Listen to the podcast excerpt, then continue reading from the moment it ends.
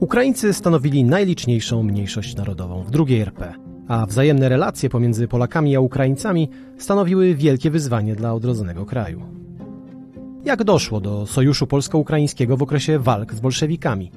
Kim był Symon Petlura i dlaczego zamordowano go w 1926 roku? Co spowodowało, że relacje polsko-ukraińskie zaczęły się psuć w połowie lat 30. i czy zbrodnia wołyńska ma swoje korzenie w historii dwudziestolecia międzywojennego? Porozmawiajmy o Ukraińcach w II Rzeczypospolitej. To jest podcast Muzeum Historii Polski. Nazywam się Michał Przeperski i zapraszam. Część pierwsza. Interesy nie do pogodzenia. Moim gościem jest dzisiaj dr Wojciech Stanisławski z Muzeum Historii Polski. Dzień dobry Wojtku. Dzień dobry Michale. Wojtku, chciałbym, żebyśmy dzisiaj porozmawiali o e, relacjach polsko-ukraińskich w sposób nieco inny niż e, zwykle. Patrzymy dzisiaj, jak sądzę, na stosunki polsko-ukraińskie przez pryzmat pomocy, jakiej Ukraińcy doświadczają e, w obliczu rosyjskiej na nich inwazji. Stosunki polsko-ukraińskie są wyjątkowo kordialne, wyjątkowo przyjacielskie, ale nie zawsze tak było. Chciałbym, żebyśmy się cofnęli o mniej więcej 100 lat do czasów II Rzeczpospolitej. Chciałbym, żebyśmy porozmawiali o tym, w jaki sposób Polacy i Ukraińcy współtworzyli jedno państwo.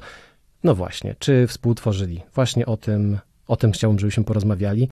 Pozostaje zapytać, jak bardzo musimy się cofnąć, żeby porozmawiać o relacjach pomiędzy Polakami a Ukraińcami w II Rzeczpospolitej. Oczywiście historyk zawsze e, zaczyna od już starożytni Grecy. I y, fajnie byłoby zacząć od osadnictwa nad Morzem Czarnym i kolonii, bo wszystko w historii warunkuje wszystko. I to nasze wycinanie dwudziestolecia jest rzeczywiście zabiegiem trochę sztucznym, bo pomijając już Hellenów, wypadałoby się cofnąć do Grodów Czerwieńskich, do zetknięcia się granic dwóch etnosów, do Kozaczyzny, a później przebiec przez, przez okres sowiecki aż do dzisiejszej, dzisiejszej inwazji wielo, wielowartościowej odpowiedzi Polski na ten, na, na, na ten dramat, który się dzieje z naszą wschodnią granicą. Ale musimy się zamknąć w ramach dwudziestolecia, bo też ono było takim czasem najbardziej skondensowanym, najbardziej warunkującym. Pozostańmy więc w latach 18, w roku 18, może chwilami 17 i, i przebiegnijmy do 39. I chciałbym przypomnieć tu trzy rzeczy jeśli mogę. To, to nie, zaczynam od walk o Lwów, choć każdy, kto kojarzy relacje polsko-ukraińskie, zacznie pewnie od, od e, walk o Lwów, ale ja chcę wspomnieć o trzech uwarunkowaniach, o których się zapomina, a które są naprawdę ważne, chociaż takie trochę historyczno-profesorskie i, i tłumaczące, dlaczego tak trudno o jednoznaczną odpowiedź, jeśli łatwo, to są one niebezpieczne. Po pierwsze, druga, trzecia dekada XX wieku to jest czas niedokończonego formowania się wielu narodów Europy Środkowej, w tym narodu ukraińskiego. Formowania się jego w sensie bytu politycznego, w sensie tożsamości, w sensie samoświadomości tego, że jesteśmy Ukraińcami. I trzeba pamiętać, że to jest proces, który w różnych miejscach w różnych lokalizacjach, pod różnymi dawnymi władzami przebiega rozmaicie, że inaczej przebiega on na wsi, inaczej przebiegał w miasteczku, inaczej w wielkim mieście, inaczej przebiegał pod panowaniem Austro-Węgier, inaczej pod panowaniem Rosji, inaczej e, e, przebiegał w rodzinach inteligencko-uniwersyteckich, inaczej przebiegał w rodzinach chłopskich, w związku z czym nie mamy tak naprawdę, mm, oczywiście stosujemy takie uproszczenie, mówimy o Ukraińcach i Polakach II Rzeczpospolitej, ale w rzeczywistości mamy do czynienia z całą paletą postaw, od niepodległościowców, którzy za tą niepodległość Ukrainy dawali daninę krwi i niepodległościowców, którzy szlifują, nazwijmy tę koncepcję, tę ideę, że naród ukraiński powinien mieć swoje państwo, poprzez tutejszych, poprzez gospodarzy, poprzez organiczników, sięgając po język XIX-wieczny, organizatorów spółdzielni, aż po prostych ludzi, którzy albo są rzeczywiście tutejsi i nic nie wiedzą o narodach, albo bardzo łatwo dają się ponieść różnego rodzaju radykalizmu, przy czym y, z poprawką na trochę dłuższe korzenie i trochę, trochę roz, bardziej rozbudowaną warstwę inteligencką, te same zastrzeżenia da się powiedzieć w Polakach, oczywiście. Drugie, drugie uwarunkowanie. Jeśli dwoje śpi w łóżku, to niekoniecznie mają te same sny. A tutaj nawet troje śpi w jednym łóżku, bo będziemy mówili o takim splocie warkoczu polsko-rosyjsko-ukraińskim.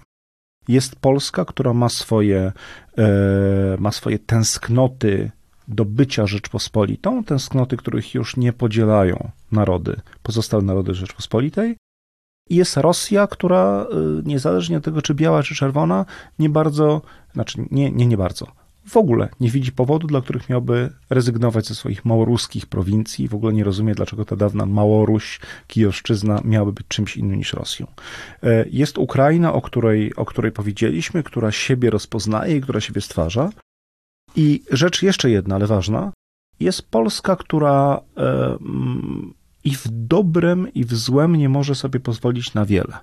Polska Druga Rzeczpospolita, która dokonuje rzeczy na płaszczyźnie politycznej szlachetnych, takich jak budowanie autonomii wołyńskiej, o której sobie później powiemy, i dokonuje rzeczy małych, a czasami wręcz haniebnych, jak palenie cerkwi.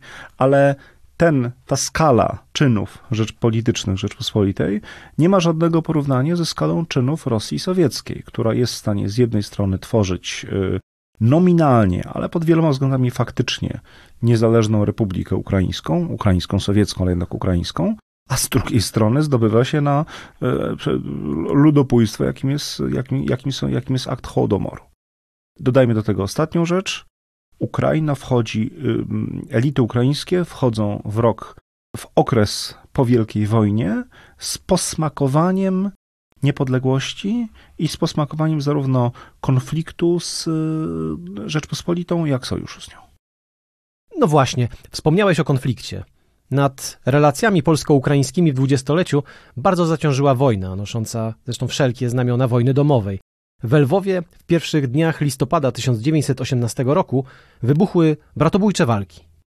Niestety tak jest, już to zaspoiler, zaspoilerowaliśmy. Oczywiście, to tutaj wyjątkowo warto przypomnieć, że to nie jest tak, że to nie jest punkt zero, że ci Ukraińcy i Polacy, którzy walczą w Lwowie, to są sąsiedzi przez ostatnich kilkadziesiąt lat to są ludzie, którzy się spotykali akurat, w, jeśli chodzi o Lwów, w łamach parlamentarnych Sejmu Galicyjskiego, którzy y, no, dokonywali, mówiąc językiem socjologii, transakcji na wielu poziomach, nie tylko tym najprostszym u, u szewca i y, w rolnika, ale, ale właśnie na, na uczelni u adwokata w redakcji. Więc z tego punktu widzenia jest to rzeczywiście y, konflikt bratobójczy i wyjątkowo bolesny jak każdy tego rodzaju, y, a wynikający po prostu z, jak to nieraz się dzieje także w Europie Środkowej, z aspiracji, nakładania się na siebie aspiracji terytorialnych obu etnosów, obu elit. Tak jak dla Polaków Polaków zaboru galicyjskiego, który właśnie się kończy, ale w ogóle Polaków Rzeczpospolitej, która zaczyna, zaczyna e, zmartwychwstawać. Jest oczywiste, że Lwów jest zawsze wierny i zawsze polski, tak dla elit ukraińskich jest oczywiste, że miasto Lwów, e, on gdzieś należące do księstwa halickiego, jest miastem, które powinno do Ukrainy należeć i stąd nie, nie, nie sposób, żeby ten konflikt nie wybuchł. E, mm, ukraińska Armia Halicka, Ukraińska Halicka Armia ogłasza powstanie Zachodnioukraińskiej Republiki Ludowej. Po raz pierwszy pojawia się San, e, który będzie boleśnie wracał przez kolejnych ćwierć wieku. Po raz pierwszy pojawia się San, koncepcja Sanu jako granicy polsko-ukraińskiej. To wszystko dzieje się zresztą na tle doświadczenia trwającej od przeszło roku ruchawki bolszewickiej, która nie zawsze jest bolszewicka w tym sensie, że że, że niepokoje na wsi są bezpośrednio inspirowane przez bolszewików rządzących w Piotrogrodzie, ale jest bolszewicka w tym sensie, że wywodzi się z tego wielkiego poruszenia ludowego, które przyjmuje takie bardzo brutalne i bezpośrednie formy ziemia dla chłopów i które, które skutkuje tą pożogą dworów opisywaną przez Kosak Szczucką. I, I stąd rzeczywiście, jeżeli postanawiamy sobie, że opowiadamy historię relacji polsko-ukraińskich w II Rzeczpospolitej, to nieuchronnie 11 listopada, dzień tutaj e, przyjeżdża brygadier do Warszawy, a w Lwowie już od kilku dni trwają ostre walki o każdą ulicę. No ale jakkolwiek byśmy nie spojrzeli, to te, to, to zderzenie polsko-ukraińskie, do którego dochodzi w listopadzie 1918 roku i ta cała historia militarna, bardzo tragiczna też kolejnych miesięcy, to mhm. nie jest jedyne militarne doświadczenie polsko-ukraińskie u progu lat y, dwudziestych. Oczywiście, bo tu jest y, to jakby dobry, dobry dramaturg pisał, mamy też albo, albo dobry gnostyk dzielący świat na czarne i białe, bo mamy y, tych elit ukraińskich, które, którym marzy się stworzenie państwa na obszarze między Tur Turcją, Rosją, Polską, Rumunią i, i Rosją Białą, Rosją Czerwoną. Jest przecież konkurujących elit kilka. Myśmy nie wspomnieli jeszcze i pewnie już nie zdążymy o e, hetmanacie, czyli epizodzie budowy państwa ukraińskiego pod skrzydłami jeszcze niepokonanych w Wielkiej Wojnie Niemiec. ale przecież państwo ukraińskie podpisywało pokój brzeski, tak bolesny dla Polski, a, a tak y, obiecujący dla Ukrainy, to było to państwo już y, nie w pełni suwerenne, ale ze stolicą w Lwowie. To się działo w roku 17, a w latach 18, w roku 18-19 obok elit, które chcą, które chcą tworzyć zachodnioukraińską elitę, y, zachodnioukraińską Republikę Ludową, istnieją zwolennicy Ukraińskiej Republiki Ludowej, którzy z najbardziej znanym przedstawicielem Petlurą, którzy zdają sobie sprawę, że mogą osiągnąć swoje cele polityczne tylko w porozumieniu z Polską.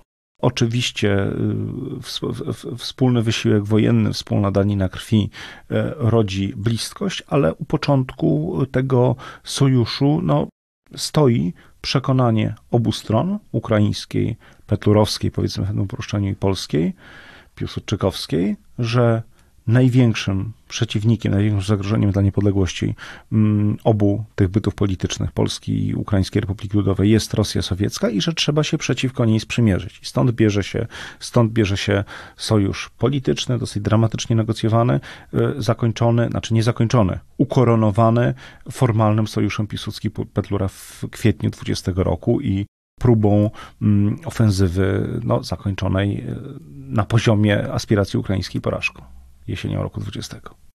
No tak, bo, bo y, w kwietniu, maju roku 1920 Polacy wspierani przez wojska ukraińskie dochodzą do Kijowa, zdobywają ten, y, tak ten Kijów z myślą taką, że Kijów będzie ukraińską, tak. e, ukraińską stolicą, tak jak no, przystało na, na Ukrainę. Ukraina bez Kijowa to, to, chyba, to chyba nie do pomyślenia.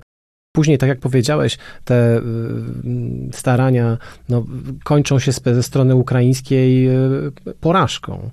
No ale to jest pytanie, czy ta współpraca Piłsudskiego y, i Petlury to jest właściwie wszystko, co możemy powiedzieć na temat współpracy militarnej polsko-ukraińskiej, politycznej współpracy polsko-ukraińskiej? Szczęśliwie nie. To, jest, to, to, są, to są historie mało znane, ale mało znane chyba przez nieuwagę, bo nie jest tak, że nie opisane przez historyków i że mówimy teraz o rzeczach zupełnie nieznanych, może po prostu rzadziej przywoływanych. Wsparcie dla, wsparcie strony polskiej dla wojsk ukraińskich, czasem już tylko do partyzantki ukraińskiej, trwa tak naprawdę do lata, do jesieni 21 roku. E, no, został podpisany przez e, Polskę, przez Rzeczpospolitą pokój ryski. Z tego czasu pochodzi to apokryficzne, nie wiem czy na pewno wypowiedziane, ale bardzo pasujące do tej postaci, do tej sytuacji, apokryficzne zdanie Piłsudskiego, mówiącego jakoby do oficerów ukraińskich: Ja was przepraszam, panowie, ja was bardzo przepraszam, bo to rzeczywiście no, trzeba było Piłsudskiego, żeby coś takiego powiedzieć. Mm, rzeczywiście Polska nie mogła nie podpisać pokoju ryskiego, y, zbyt była wyczerpana wojną z bolszewikami, ale rzeczywiście zostawiała, mówiąc kolokwialnie, Ukraińców na lodzie w tym momencie. Na szczęście ten lód był dość mocny i z takimi mm, pomostami kierującymi w głąb lądu, Polska wspiera, jak się rzekło, partyzantkę ukraińską, wspiera struktury polityczne, uznaje rząd, trochę półgębkiem, to była delikatna sytuacja dyplomatyczna, ale uznaje rząd Ukraińskiej Republiki Ludowej działający na e, emigracji, część struktur tego rządu działa w Polsce, a co więcej, nie są to tylko struktury polityczne, ale stale przewija się myśl o tworzeniu mm, kadrowej, już nie tylko zapraszaniu oficerów o korzeniach ukraińskich do armii polskiej, ale tworzenia kadrowej armii ukraińskiej, którą w razie pomyślnych okoliczności czy osłabienia Sowietów można będzie e, rozwinąć. Te, te działania nabierają zresztą tempa do Oczywiście po, po powrocie do władzy Piłsudskiego jesienią 26 roku,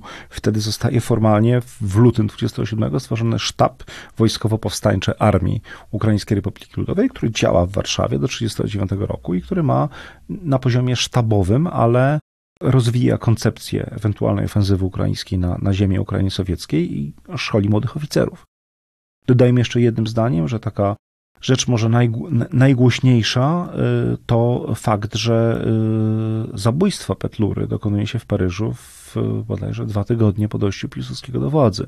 I chociaż y, wielokrotnie próbowano ten węzeł rozsupłać i jak to w sprawach agenturalnych nie daje się go wprost rozwinąć, to znaczy sprawca zabójstwa, no, zabójca Petlury, niejaki Schwarzbart, nie był instytucjonalne powiązane z Czeką, y, jednak wydaje się nie ulegać wątpliwości, że, że zabójstwo to było szalenie na rękę Sowietom, bardzo zaniepokojonym, że po powrocie Piłsudskiego do władzy współpraca polsko-ukraińska odżyje na większą skalę.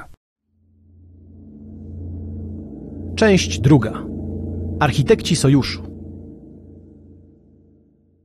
Czym do tej pory zdążyliśmy sobie powiedzieć, to przede wszystkim, no nie licząc tego fragmentu poświęconego tragicznej śmierci Petlury w roku 26 i działaniach wspierających e, Ukraińców e, przez Polskę w kolejnych latach, to właściwie była historia samych początków również i drugiej Rzeczpospolitej. To jest właściwie ten czas, który my czasem określamy e, wojną o granice, ale po wojnie przyszła normalność i chciałbym, żebyśmy sobie spróbowali powiedzieć, jak właściwie wyglądała ta e, normalność Ukraińców w Polsce, no i Polaków żyjących obok Ukraińców w II Rzeczpospolitej, która też zmieniała się z roku na rok. Inna była w, w początku lat 20., a inna była e, u końca lat e, 30. No więc jak właściwie opowiadać o tej rzeczywistości, o tej codzienności?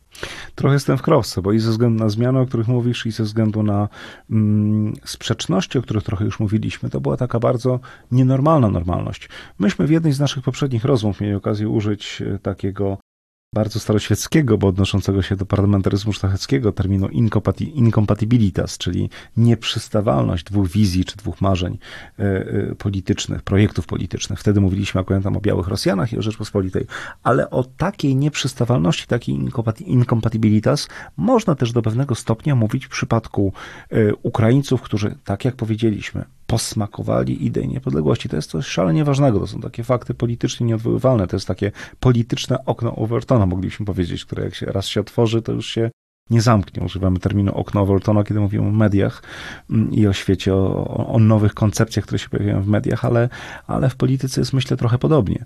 Są Ukraińcy, którzy, którzy przywiązali się do idei, że niepodległość Ukrainy jest możliwa. Jest ich wielu. Jest to największa mniejszość w Polsce. Brzmi to barokowo, ale tak jest. Największa mniejszość to jest mm, ponad 4,5 miliona e, obywateli. Są w, w, w trzech województwach e, wschodnich.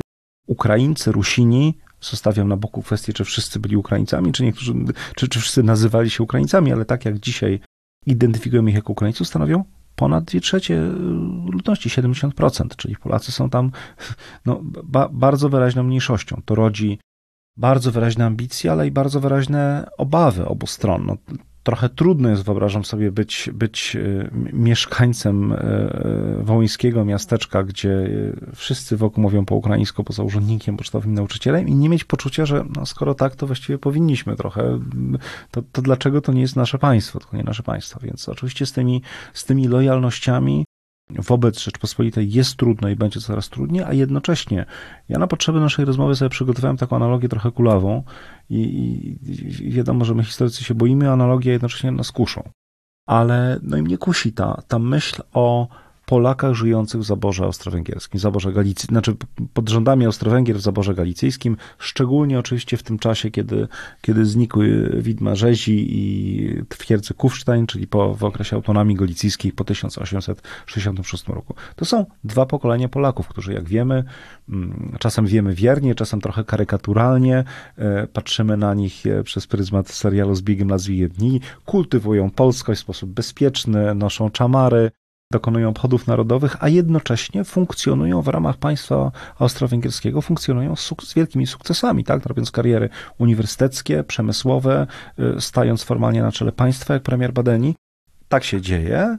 Y, nikt z Polaków galicyjskich nie, nie y, podejmuje irredenty, powiedzmy w roku 1890, co nie przeszkadza synom tych profesorów posłów i przedsiębiorców założyć Maciejówkę i pójść z Piłsudskim e, z Legionami w roku 1914, a w cztery lata później e, radować, zrywać, zrywać e, orła austriackiego.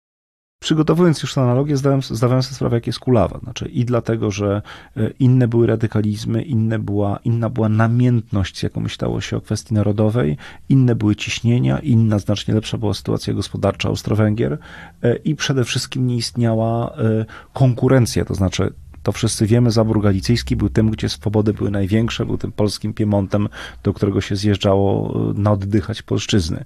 Inaczej by wyglądała zapewne sytuacja, gdyby za granicami, tutaj już wypuszczam się na zupełne wody szerokiej historii kontrfaktycznej, wybacz, ale gdyby za granicami mm, mm, Austro-Węgier rozkwitało konstytucyjne Królestwo Polskie.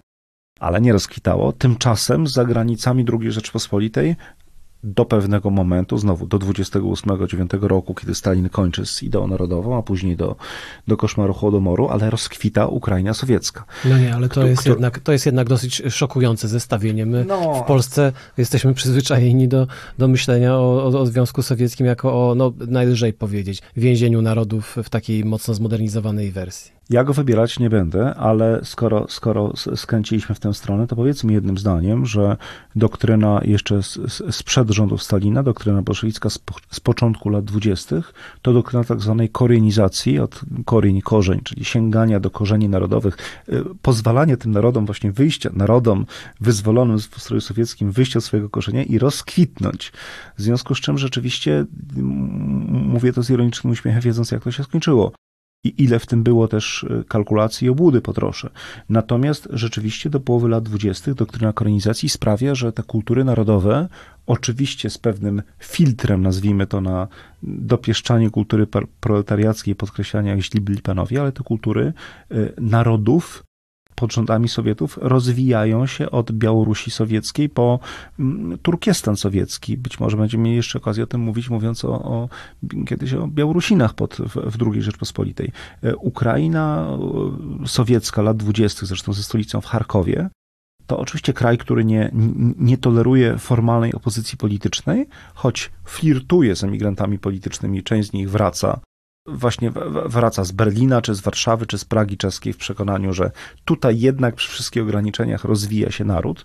No i ten naród się mm, rozwija, rozwija się industrialnie, przemysłowo e, i rozwija się w drodze takiego budowania tożsamości poprzez edukację w języku narodowym, w języku ukraińskim, poprzez pierwsze uniwersytety ukraińskie, które powstają, encyklopedie, e, Akademię Nauk. To, to jest rzecz niesłychana. Oczywiście jak to w Sowietach wystarczyło tak naprawdę jednego zmarszczenia brwi ludojada, żeby to znikło, a przynajmniej mm, stało się wydmuszką, no bo jakaś tam ta wydmuszka y, osobności ukraińskiej funkcjonowała, ale bez pędu lat dwudziestych. Natomiast w latach dwudziestych ta pokusa y, nie tylko sprawiedliwości społecznej i, i jaką, jaką niosą ze sobą i rozkwitu gospodarczego, jaką niosą, niosą ze sobą Sowiety, ale, ale, Sowiety, ale rozkwitu narodowego było czymś, co było ogromną pokusą dla Ukraińców II RP i wszystkich państw ościennych. No właśnie, ale to y, każe jeszcze raz rozwinąć myśl tego, czy fakt, że Piłsudski u progu roku 1920, w roku 1920 w gruncie rzeczy popierał ukraińskie aspiracje niepodległościowe. Oczywiście, tak jak sobie powiedzieliśmy, to są dwie różne sytuacje. Sytuacja wojny, płynności granic, pewnej potencjalności tego, co się może za chwilę wydarzyć, a inna sprawa to dwa istniejące już e, organizmy państwowe. Polska e, do, do pewnego momentu w pełni demokratyczna, później autokratyczna, ale, ale z drugiej strony granicy na Zbruczu e, Związek Sowiecki, no państwo totalitarne przykład y, państwa, co tu dużo mówić, y, zupełnie, zupełnie koszmarnego, ale tak czy inaczej, trzeba zadać pytanie, y, czy nie można było Ukraińcom z punktu widzenia politycznego zaproponować jakiegoś rodzaju autonomii? Przecież jeżeli spojrzy się na prawne ramy, w jakich do Polski przyłączono tak zwaną Galicję Wschodnią, to, co Ukraińcy woleliby raczej nazwać zachodnią Ukrainą.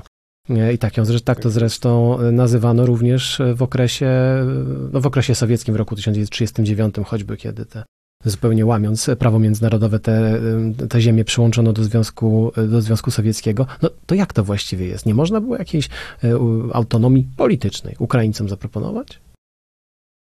Jak wiemy, druga Rzeczpospolita była trochę, jak wiele państw Europy Środkowej, pod specjalnym nadzorem ze względu na obawy światłego Zachodu, że nie do końca będą przestrzegane prawa mniejszości. Istniało szereg formuł i szereg komisji, i szereg ograniczeń prawnych, które miały te, te prawa mniejszości, stypulowały ochronę praw mniejszości, jak się wcześniej mówiło. Jednym z nich była decyzja Rady Ambasadorów Ligi Narodów, żeby przyjąć tak zwaną ustawy o samorządzie wojewódzkim, która miała zagwarantować autonomię trzech województw e, południowo-wschodnich, e, lwowskiego, tarnopolskiego i stanisławowskiego, z największą, najliczniejszą mniejszością ukraińską. Ta, ta, ustawa została formalnie przyjęta, nigdy nie została ani cofnięta, ani wdrożona w życie, co stanowiło taki znakomity obiekt do, mm, no trochę, mm, szarpaniny parlamentarnej. E, I ona, ona zakładała szereg klasycznych swobód pakietu swobód, jakie przyznaje się mniejszościom w między wojną, również współcześnie i jak to też zwykle bywa, ten pakiet był jak na obawy części polskich elit przed irredentą zbyt szeroki, a jak na apetyty i pragnienia mniejszości ukraińskiej zbyt wąski. On zakładał, zakładał funkcjonowanie szkolnictwa ukraińskiego, e, które istniało, choć z ograniczeniami, o których zaraz powiemy. Zakładał stworzenie katedr e, ukraińskich na Uniwersytecie Jana Kazimierza w Lwowie, które ostatecznie nie powstały. Zakładał możliwość tworzenia różnego rodzaju podmiotów gospodarczych, spółdzielni, stowarzyszeń, zakładał możliwość funkcjonowania partii politycznych ukraińskich, co, co się działo i za chwilę spróbujemy tę paletę, a przynajmniej naj, naj, naj, najmocniejsze barwy tej palety przedstawić. Przecież y, posłów, y, posłów ukraińskich w Sejmie zasiadało w sumie ponad 150, ponad 30 senatorów. Mieliśmy wicemarszałka y, Sejmu RP ukraińskiego, Wasyła Mudrego. To się działo i znowu wracam do tej autonomii galicyjskiej, może zbyt, zbyt się jej trzymam, ale gdyby druga Rzeczpospolita była Austro-Węgrami, no to w Austro-Węgrzech przez kilkadziesiąt lat tak to działało. Natomiast okno Overtona się otwarło, perspektywa niepodległości e, kusiła, perspektywa rewolucji socjalnej na wzór sowiecki kusiła i w rezultacie szereg ugrupowań początkowo legalnych albo do końca legalnych ugrupowań ukraińskich, kwestionuje polską państwowość i domaga się jej e, likwidacji. Słowem się domaga, czasem czynem się domaga, albo zlewa, jak Komunistyczna Partia Zachodniej Ukrainy, czyli różnego rodzaju przybudówki półlegalne i sprawa, jak ukraińskie Zjednoczenie Wojskowe Jewhana Konowaca, z którego wyrośnie no, już taka nader radykalna e, organizacja ukraińskich nacjonalistów OUN, o której będziemy, będziemy pewnie jeszcze, jeszcze mówić. W rezultacie to aż trochę trudno pomieścić w jednym akapicie i w jednym zdaniu. Normalne życie, czyli spółdzielnie, szkoły, teatry, harcerstwo, interpelacje poselskie, współistnieje z taką nienormalnością, jak e, akty terroru indywidualnego przede wszystkim ze strony, e, ze strony radykałów ukraińskich. No, kilka kilkanaście w sumie udanych zamachów, z których najbardziej znane są na, na, na dwóch ministrów, zresztą rzeczników pojednania z Ukrainą, na ministra Tadeusza Hołówkę i ministra Pierackiego. Był także nieudany zamach na Piłsudskiego. Zdarza się terror, no terror przez małe T, ale, ale nazwijmy to akty, akty y, y, przemocy czy y, dywersji na dużą skalę, typu podpalanie plonów, a ze strony Polski mam do czynienia z kilkoma falami pacyfikacji. Więc taka jest ta normalność, nienormalność. Przepraszam cię, odpowiedziałem ci więcej niż jednym zdaniem, ale nie da się jednym zdaniem powiedzieć. Znaczy, było to i to. To, co możemy, to wyróżnić jakieś, jakieś etapy, e, jakieś momenty, czy inaczej jakieś takie mm, mm, przegięcia funkcji. Powiedzieliśmy trochę o tym, co było najczarniejsze, przynajmniej do 1938 roku, a były to, były to zamachy terrorystyczne ze strony redagowów ukraińskich i pacyfikowanie wsi, które było bardziej upokarzające niż, niż y, znaczy nie, nie pociągało za sobą ofiar w, w, ludziach, pacyfikowanie wsi ukraińskich, tak, czyli stacjonowanie tam, nazwijmy to, łańskich kompanii garnych, co, co, co nie powodowało z tego, co wiemy, ofiar w ludziach, ale powodowało bezmiaru upokorzenia i zniszczeń materialnych, a, a jak mówią psycholodzy, upokorzenie się ciężej znosi nawet niż, niż cierpienie. No więc to jest ta najniższa część funkcji, a ta najwyższa to jest niewątpliwie eksperyment wołyński. No właśnie. Żebyśmy jeszcze w jakiś sposób uzupełnili ten obraz o, o, może nieco jaśniejsze barwy, nie przesadzając wszelako z rozjaśnianiem całej panoramy, no to dwa słowa na temat e, eksperymentu wołyńskiego, ponieważ Henryk Józefski, a więc ten człowiek, którego nazwisko, no przynajmniej specjalistom najbardziej się kojarzy z eksperymentem wołyńskim, jakąś próbą e, politycznego dialogu pomiędzy stroną polską i stroną, i stroną ukraińską. W gruncie rzeczy, no jak na to spojrzeć z szerszej, e, z dalszej perspektywy, no to chyba nie jest historia politycznego sukcesu jednak. To zależy. To znaczy, co się, co się stało, to się stało i postać Józefskiego jest taką postacią niezwykłą. Do dzisiaj zostały wydane jego, jego wspomnienia, opisał go Timothy Snyder kilka lat temu w ciekawej biografii. E, to jedna z być może najciekawszych, chociaż nie najskuteczniejszych postaci politycznych i nie tylko politycznych II Rzeczpospolitej. To pra prawdziwy Rzeczpospolitanin, Polak, który, e, dla którego oczywistością była, była zarówno racja stanu Rzeczpospolitej, jak, jak potrzeba mm, głębokiej współpracy z Ukraińcami, który jako jeden z dwóch Polaków zasiadał w rządzie Petlury jako taki minister trochę kontrolujący, ale trochę też zarządzający tym państwem powstającym w 20, państwem ukraińskim powstającym w 20 roku. Najważniejszy chyba rzecznik dialogu polsko-ukraińskiego, może w dwudziestoleciu, może jeszcze o kilku innych zdążymy powiedzieć, który posiadający rzeczywiście bliską, osobistą relację i porozumienia z Piłsudskim, Wielu było takich, którzy twierdzili, że taką posiadają, ale, ale Józefski posiadał ją na pewno.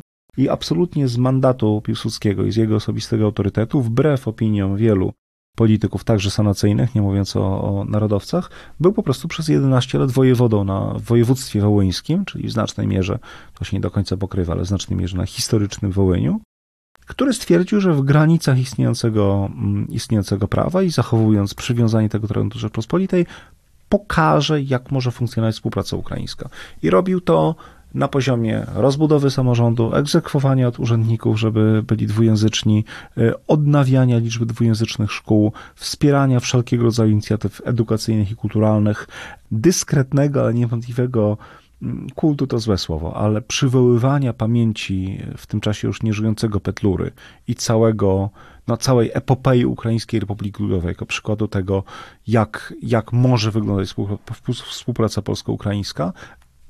Więcej tworzenia, choć strasznie trudne jest to to sobie wyobrazić, na, mając w pamięci pacyfikację wsi z roku 30, ale wiemy, że tak było. Tworzy, tworzy, były tworzone normalne, mieszane instytucje typu straż pożarna e, polsko-ukraińskie na, na poziomie takim hiperlokalnym, na poziomie wsi. Coś, co próbowano bardzo nieskutecznie robić w Bośni i Hercegowinie po wojnie po wojnie e, w Jugosławii, po wojnie w Bośni w latach 90., to się naprawdę Nowy nie udawało.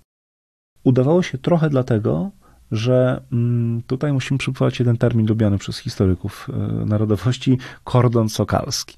Kordon sokalski, czyli taki szczątek od, od miasteczka e, Sokal, taki szczątek dawnej granicy mm, między Austro-Węgrami a Rosją, który, który e, oddzielał ziemię właśnie Wołynia i Chełmszczyzny, czyli ziemię do 15 roku pod rządami Rosji, od ziem Galicji w terminologii, no Galicji, dobrze, Galicji Wschodniej w ówczesnej terminologii politycznej, czyli ziem do 18 roku pod rządami Austro-Węgier.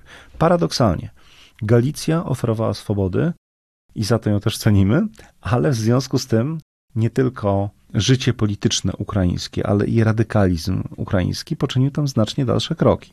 Tymczasem prowincje rządzone przez Romanowów, no, do roku 905 w ogóle nie było mowy o jakiejkolwiek edukacji w języku ukraińskim. Potem coś tam się zmieniało, ale bardzo powoli. Ale w związku z tym ten dynamika emocji politycznych, nazwijmy, tym, nazwijmy to, była dużo mniejsza. I e, włodarzom II Rzeczpospolitej zależało na tym, żeby ten Wołyń funkcjonował trochę odrębnie, znaczy, żeby nie trafiali do niego agitatorzy, gorące głowy i e, emocje emocje e, niepodległościowców, niepodległościowców ukraińskich e, z części galicyjskiej, dawnej galicyjskiej części Rzeczypospolitej. Do pewnego momentu to się udawało. Józefski został odwołany już no, tak, w trzy lata po śmierci marszałka i wyraźnie wobec rosnącego przekonania elit Rzeczpospolitej, że tutaj, że sprawy są sprawy międzynarodowe się bardzo komplikują, bo rzeczywiście się bardzo komplikują i w związku z tym nie możemy sobie pozwolić na choćby ryzyko istnienia, mówię to w cudzysłowie, piątej kolumny. Część trzecia. Widmo narastającego konfliktu. Powiedzieliśmy wiele o tym, że sytuacja mniejszości narodowych w II Rzeczpospolitej, w tym wypadku mniejszości ukraińskiej, była bardzo często funkcją tego, jak wyglądała sytuacja międzynarodowa. Tak było początku lat 20. Tak było właściwie i w latach 20. i w latach 30. na skutek e, oddziaływania traktatu mniejszościowego. E, no ale w końcu przychodzi koniec lat 30., e, zaostrzenie stosunków polsko-sowieckich, polsko-niemieckich, innymi słowy, zbliża się II wojna światowa. No ale jakkolwiek byśmy na to nie patrzyli, to chyba jednak nie było tak źle. Choć było przecież tak dobrze jednocześnie, jak powiedziałeś wcześniej, nie wszystko możemy zwalić na sytuację międzynarodową. Nie, oczywiście, że nie. Oczywiście, że nie. To są zawsze sploty, chociaż ta sytuacja międzynarodowa nie jest bez znaczenia i to nie chodzi mi tylko o, tą, o ten trójkąt, tym razem Berlin, Warszawa, mm, Moskwa, o którym wspomniałeś, ale o sytuację, y, w której można powiedzieć, wszyscy pozbywają się złudzeń. To znaczy, wśród komunizujących Ukraińców nie ma już jakichś szczególnych złudzeń co do budowania kultury ukraińskiej w, w Sowietach, tylko chodzi po prostu o lojalność wobec państwa sowieckiego. W przypadku Ukraińców y, zorientowanych narodowo też są przekonani, że Józefski jego eksperyment to było tylko trochę modlenie, mydlenie oczu, że, że trzeba zabiegać o niepodległość, którą mm, wspiera Berlin dla wielu powodów. Wspiera Berlin, bo i dlatego, że idzie, że coraz wyraźniej zbliża się konfrontacja z II Rzeczpospolitą i dlatego, że no to wiadomo, to taki trochę prosty rachunek, nieprzyjaciel, nieprzyjaciele naszych nieprzyjaciół są naszymi przyjaciółmi.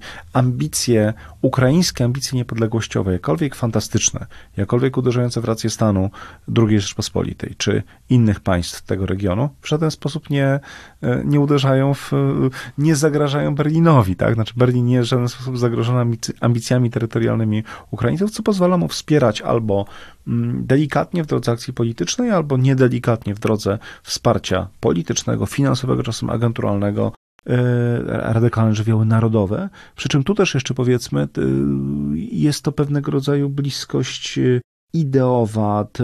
Ja powiedziałbym, że, że musimy pamiętać, że nie, nie, nie ma faszyzmu e, jednego, że są faszyzmy europejskie, że są radykalizmy europejskie lat 30. i że ten, te, te, ta radykalna myśl narodowo-ukraińska jest e, z jednej strony ma swoją, swoją, swoją własną genezę, swoich własnych ideologów. No, najbardziej znany z nich to Dmytro Dącow, którego nazwisko zresztą pisarz polityczny tworzący w II Rzeczpospolitej, osobiście niezaangażowany w żadne akty dywersji czy terroru, natomiast mówiący, piszący rzeczy dość, dość przerażające i dość niezwykłe, znaczy nie tyle, o ile możemy mówić w przypadku użyję tu pewnego uproszczenia, prostych chłopów, o takiej prostej niechęci do panów, niechęci, która łatwo wyrasta przeradza się w nienawiść, o tle Dmytro Dącow bardzo na chłodno mówi, że nienawiść narodowa powinna się pojawić, ponieważ jest czynnikiem integrującym, elektryzującym, mobilizującym i żeby z tych, żeby tych tutejszych przekuć w świadomych i gotowych do ofiary Ukraińców, którzy zbudują niepodległe państwo, no to trzeba właśnie trochę tą, tą nienawiść generować i to mu się, to mu się niestety udało. Jest dla mnie dość znamienne, że te faszyzmy europejskie, czy radykalizmy narodowe europejskie, wschodnioeuropejskie są szczególnego rodzaju i myślę sobie nieraz, że ktoś, że ktoś napisze o analogiach między, mm, między Żelazną Gwardią Rumuńską a, a ounowcami ukraińskimi i no, fa, w taką fascynacją zadawaniem cierpienia, której nie widać w faszyzmie włoskim czy w nazizmie. Tym bardziej jeszcze, że jeżeli mogę dodać a propos Żelaznej Gwardii, że faszyzm rumuński, no bo o nim tutaj mhm, mowa, tak. był faszyzmem, no jakkolwiek by to dziwnie brzmiało, chłopskim. On był tak, taki z gruntu, z gruntu, z gruntu chłopski, a także, a także mocno osadzony w pewnym wypadku rumuńskim mistycyzmie prawosławnym. Może nie do końca akurat e, znajduje tutaj odpowiedź po stronie, po stronie tego faszyzmu, czy właśnie radykalizmu ukraińskiego. Tak, chce znacznie bardziej e, koniunkturalnie traktowali, powiedzmy, czy, czy instrumentalnie. Co nie, zmienia, co nie zmienia faktu, że w, obu, w wypadku obu ruchów możemy mówić o, o podstawie właśnie chłopskiej, a nie miejskiej, bo tak. faszyzm to jest przede wszystkim przecież, przecież ruch, ruch miejski. Wiele powiedzieliśmy o tym, o tym faszyzmie, ja ci tutaj, ja ci tutaj przerwałem, ale tak naprawdę no, to nie wyczerpaliśmy e, e, tematu, bo radykalizm, radykalizm polityczny, radykalizm też socjalny, prawda? Była mowa o tych, o tych Ukraińcach, którzy komunizowali. No, po, po, powiedzmy sobie wprost, powiedzmy szczerze, druga Rzeczpospolita nie poradziła sobie z, z reformą rolną na ten przykład. I to była wspólna, bardzo trudna dola tak e, rolników czy chłopów ukraińskich, jak i polskich. No, to, to, to, to nie ty mi przerwałeś, to ja nie dopowiedziałem. Oczywiście. To jest jeszcze jeden bardzo wyraźny czynnik i czynniki, znów można zastanowić, co by było, gdyby sytuacja międzynarodowa była inna, ale rzeczywiście y, kryzys lat 30. jest y, fatalny, najciężej odbijający się na wsi i gdzieś to też zapisałem w notatkach. Y, można powiedzieć, że widać tą y, radykalizm wsi II Rzeczpospolitej, radykalizm wyrastający z kryzysu, z doświadczenia nędzy, z tego, że reforma rolna nie została przeprowadzona, tylko ten radykalizm, którego, z którego wyrasta niechęć do panów, tak, i do, i do, i do tych, którzy mają dużo ziemi, w przypadku Ukraińców ma bardzo wyraźne zabarwienie. To, są, to nie są panowie, po prostu są polscy panowie. Oczywiście istniały istnieli, nazwijmy to, um, farmerzy ukraińscy, tak jak istniały majątki y, na, na, na kresach, y, których właścicielami byli etniczni Rosjanie, a czasem etniczni Żydzi. Natomiast to są przypadki izolowane. Generalnie spojrzenie na klasę panów z punktu widzenia wynędzniałej wsi, szczególnie wynędzniałej na tym obszarze. Znaczy, to, to powiedzonko o chłopie, który dzielił e, zapałkę na cztery, no to chłop, chłop rusiński dzielił tę zapałkę na 16, a jednocześnie widział, widział świece rozpalające się w majątku mm, polskich panów i to generowało bardzo konkretne emocje, bardzo konkretne pragnienie action direct. A do tego dochodzi, skrajności się nakręcają, ponieważ to ta świadomość radykalizmu, świadomość falujących nastrojów i tego, jak mogą być wykorzystane przez nieżyczliwe Warszawie państwo ościenne, powoduje, że e, elity sanacyjne e, otwierają się na perspektywę fatalnej, fatalnej pacyfikacji. Najbardziej znanym przypadkiem e, z tej drugiej połowy lat 30. jest słynne burzenie cerkwi. Kiedy mówimy o, o brutalności, no to nie, nie, możemy i nie chcemy też unikać żadnych, żadnych trudnych tematów. Koszmarnie trudnym tematem w historii polsko-ukraińskiej jest Wołyń. Wołyń rok 1943, 1900 44 masakry, ludobójstwo, jak uważa część polskich historyków, e, na ludności e, polskiej, deklarującej, się jako, e, jako ta, która ma narodowość polską. Temu, co wydarzyło się na Wołyniu, warto poświęcić zupełnie osobną rozmowę, ale jedno pytanie myślę, że musi paść w kontekście tego, co powiedzieliśmy o tej nakręcającej się przemocy, czy może jest jednak tak, że powinniśmy spojrzeć na tą akcję bezpośrednią że tak technicznie to określę, chłopów ukraińskich, że to właściwie był bunt przeciwko, e, no, przeciwko tym, którzy do tej pory ich e, tłamsili. Może tak to, to było. To jest bardzo dobre, chociaż bardzo bolesne pytanie i nie wiem, czy mam pełną wiedzę na ten temat. Natomiast e, wydaje się, że to, dlaczego to na Wołyniu doszło do Rzesi Wołyńskiej, przepraszam za to niezgrabne sformułowanie, nadal nie daje się do końca wyjaśnić taką prostym składaniem na jeden stosik motywacji i zaszłości politycznej. Znaczy, prosty fakt, te akty raniące i absolutnie bezsensowne z punktu widzenia praktyki politycznej, czyli burzenie cerkwi grekokatolickich, mówiąc dalej random, to gorzej niż zbrodnia to błąd. To o ile pacyfikacji wsi miały swój, miał, miał, brutalne, straszne, ale miały jakiś swój, swoją polityczną logikę, tak, tego, że rzeczywiście zastraszają, o tyle y, burzenie cerkwi grekokatolickich było niszczeniem, e, znaczy, czy, czy, czy, zadawaniem wyjątkowo upokarzającego ciosu społeczności potencjalnie jakoś tam gotowej do otwarcia się na stronę polską. No, było, było no mówię to z pełną pewnością, absurdem politycznym, którego nie sposób uzasadnić, ale dokonywało się na Lubelszczyźnie, na Chełmszczyźnie, na ziemiach odległych od Wołynia. W związku z czym to nie jest tak, że, że pacyfikacja 30. triggerowały bezpośrednio Wołyń. I, I też Wołyń przecież to, to, jak powiedzieliśmy sobie, ziemię mm, dawnego zaboru rosyjskiego, czyli mniej e, rozemocjonowane politycznie niż ziemię, niż ziemię mm, Galicji austro-węgierskiej. Wołyń pozostaje, pozostaje no, mroczną zagadką. No dobrze, gdybyśmy w takim razie spróbowali przejść do, do, do, podsumowania i zbilansować ten szalenie trudny pewnie do zbilansowania e, problem, jakim są relacje polsko-ukraińskie i funkcjonowanie Ukraińców w II Rzeczpospolitej Polaków obok, e, obok Ukraińców e, w tym okresie, no to właściwie po pierwsze, takie będzie pierwsze pytanie z serii tych podsumowujących. To na kogo Ukraińcy w sensie politycznym, może społecznym, właśnie wszelakim, y, mogli liczyć? Czym oni byli silni jako, jako społeczność i jak się było Ukraińcem y, żyjącym w II Rzeczpospolitej, no to właśnie poza sobą samym, najbliższą rodziną, na kogo można było liczyć? Myśmy sobie o tym chwilę mówili już przed audycją. Oczywiście ta, ta, można mówić o dużej spoistości społeczności ukraińskiej, o, o tym, że, że ta lojalność, która, która wykształca się w każdej mniejszości szła, że, że istniały, że oprócz takiej, no, nie chcę użyć słowa trochę deprecjonującego dzisiaj, ale oprócz takiej etnicznej solidarności elementarnej, istniały struktury, które pozwalały tą solidarność wyrażać i funkcjonować trochę w takim kokonie swoich. Mówiliśmy o szkołach, których jednak było kilkaset, mówiliśmy o harcerstwie, e, znaczy scoutingu, należy powiedzieć scoutingu płast, e, mówiliśmy o niesłychanie rozbudowanym ruchu spółdzielczym, e, no, mówiliśmy o kościołach, chociaż tu też znamienne, że przecież społeczność ukraińska jest podzielona.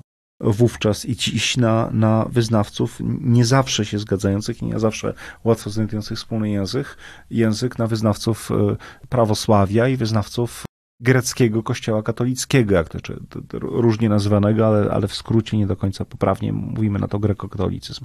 Ale w obrębie tych dwóch, uwzględniwszy ten podział, te dwie wspólnoty są wspólnotami bardzo otulającymi, tym bardziej, że druga z nich, że grekokatolicy mają swojego charyzmatycznego przywódcę na postać wielkiego formatu y, błogosławionego biskupa Andrija Szeptyckiego.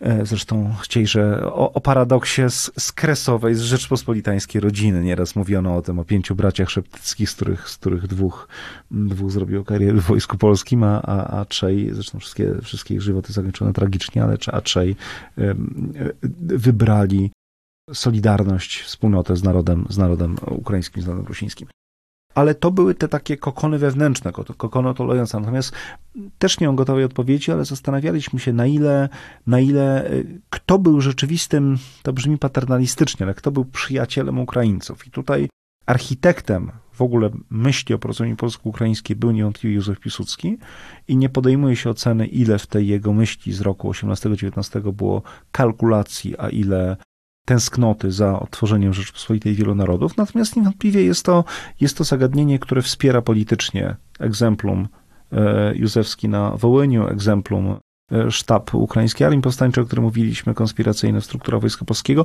ale nie jest to temat, który by go zaprzętał po jego, który był pierwszoplanowym dla niego tematem po jego powrocie do władzy w roku 26. Natomiast jest wielu ludzi z jego otoczenia, którzy, którzy otoczenia w sensie, no właśnie kadry z tego najbardziej płodnego dla Piłsudskiego styku działalności w FPS-ie i w Legionach, ludzi Piłsudskiego, którzy pozostają do końca zaangażowani politycznie, ale chyba też emocjonalnie w, w próbę porozumienia się z Ukraińcami. Wspomnieliśmy o tych dwóch politykach, o Tadeuszu Hołówko, przede wszystkim może zresztą wybitnym, wybitnym badaczu mniejszości narodowych, zanim wybrał karierę polityczną, który, który zginął w zamachu, ale przecież też Leon, mm, Leon Wasilewski, też parukrotnie minister Piłsudczykowski był człowiekiem, który, który te porozumienie budował.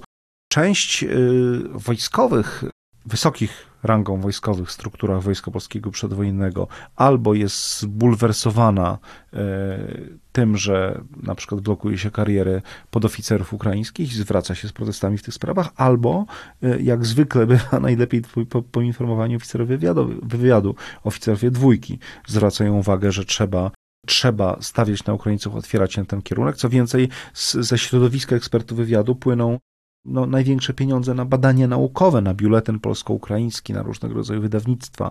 Są szereg pep, dawnych PPS-owców wspiera, y, wspiera PPS-owców, lewego skrzydła PSL wspiera sprawę ukraińską na poziomie lokalnych interwencji sejmowych, ale na poziomie budowania jakichś ram współpracy, y, protekcji dla idei uczelni, uniwersytetu, y, a jednocześnie nazwiska żubrów konserwatywnych jak e, Stanisław Catmackiewicz i neokonserwatystów jak e, Jerzy Giedroyć, to też są nazwiska ludzi, którzy ten dialog budowali.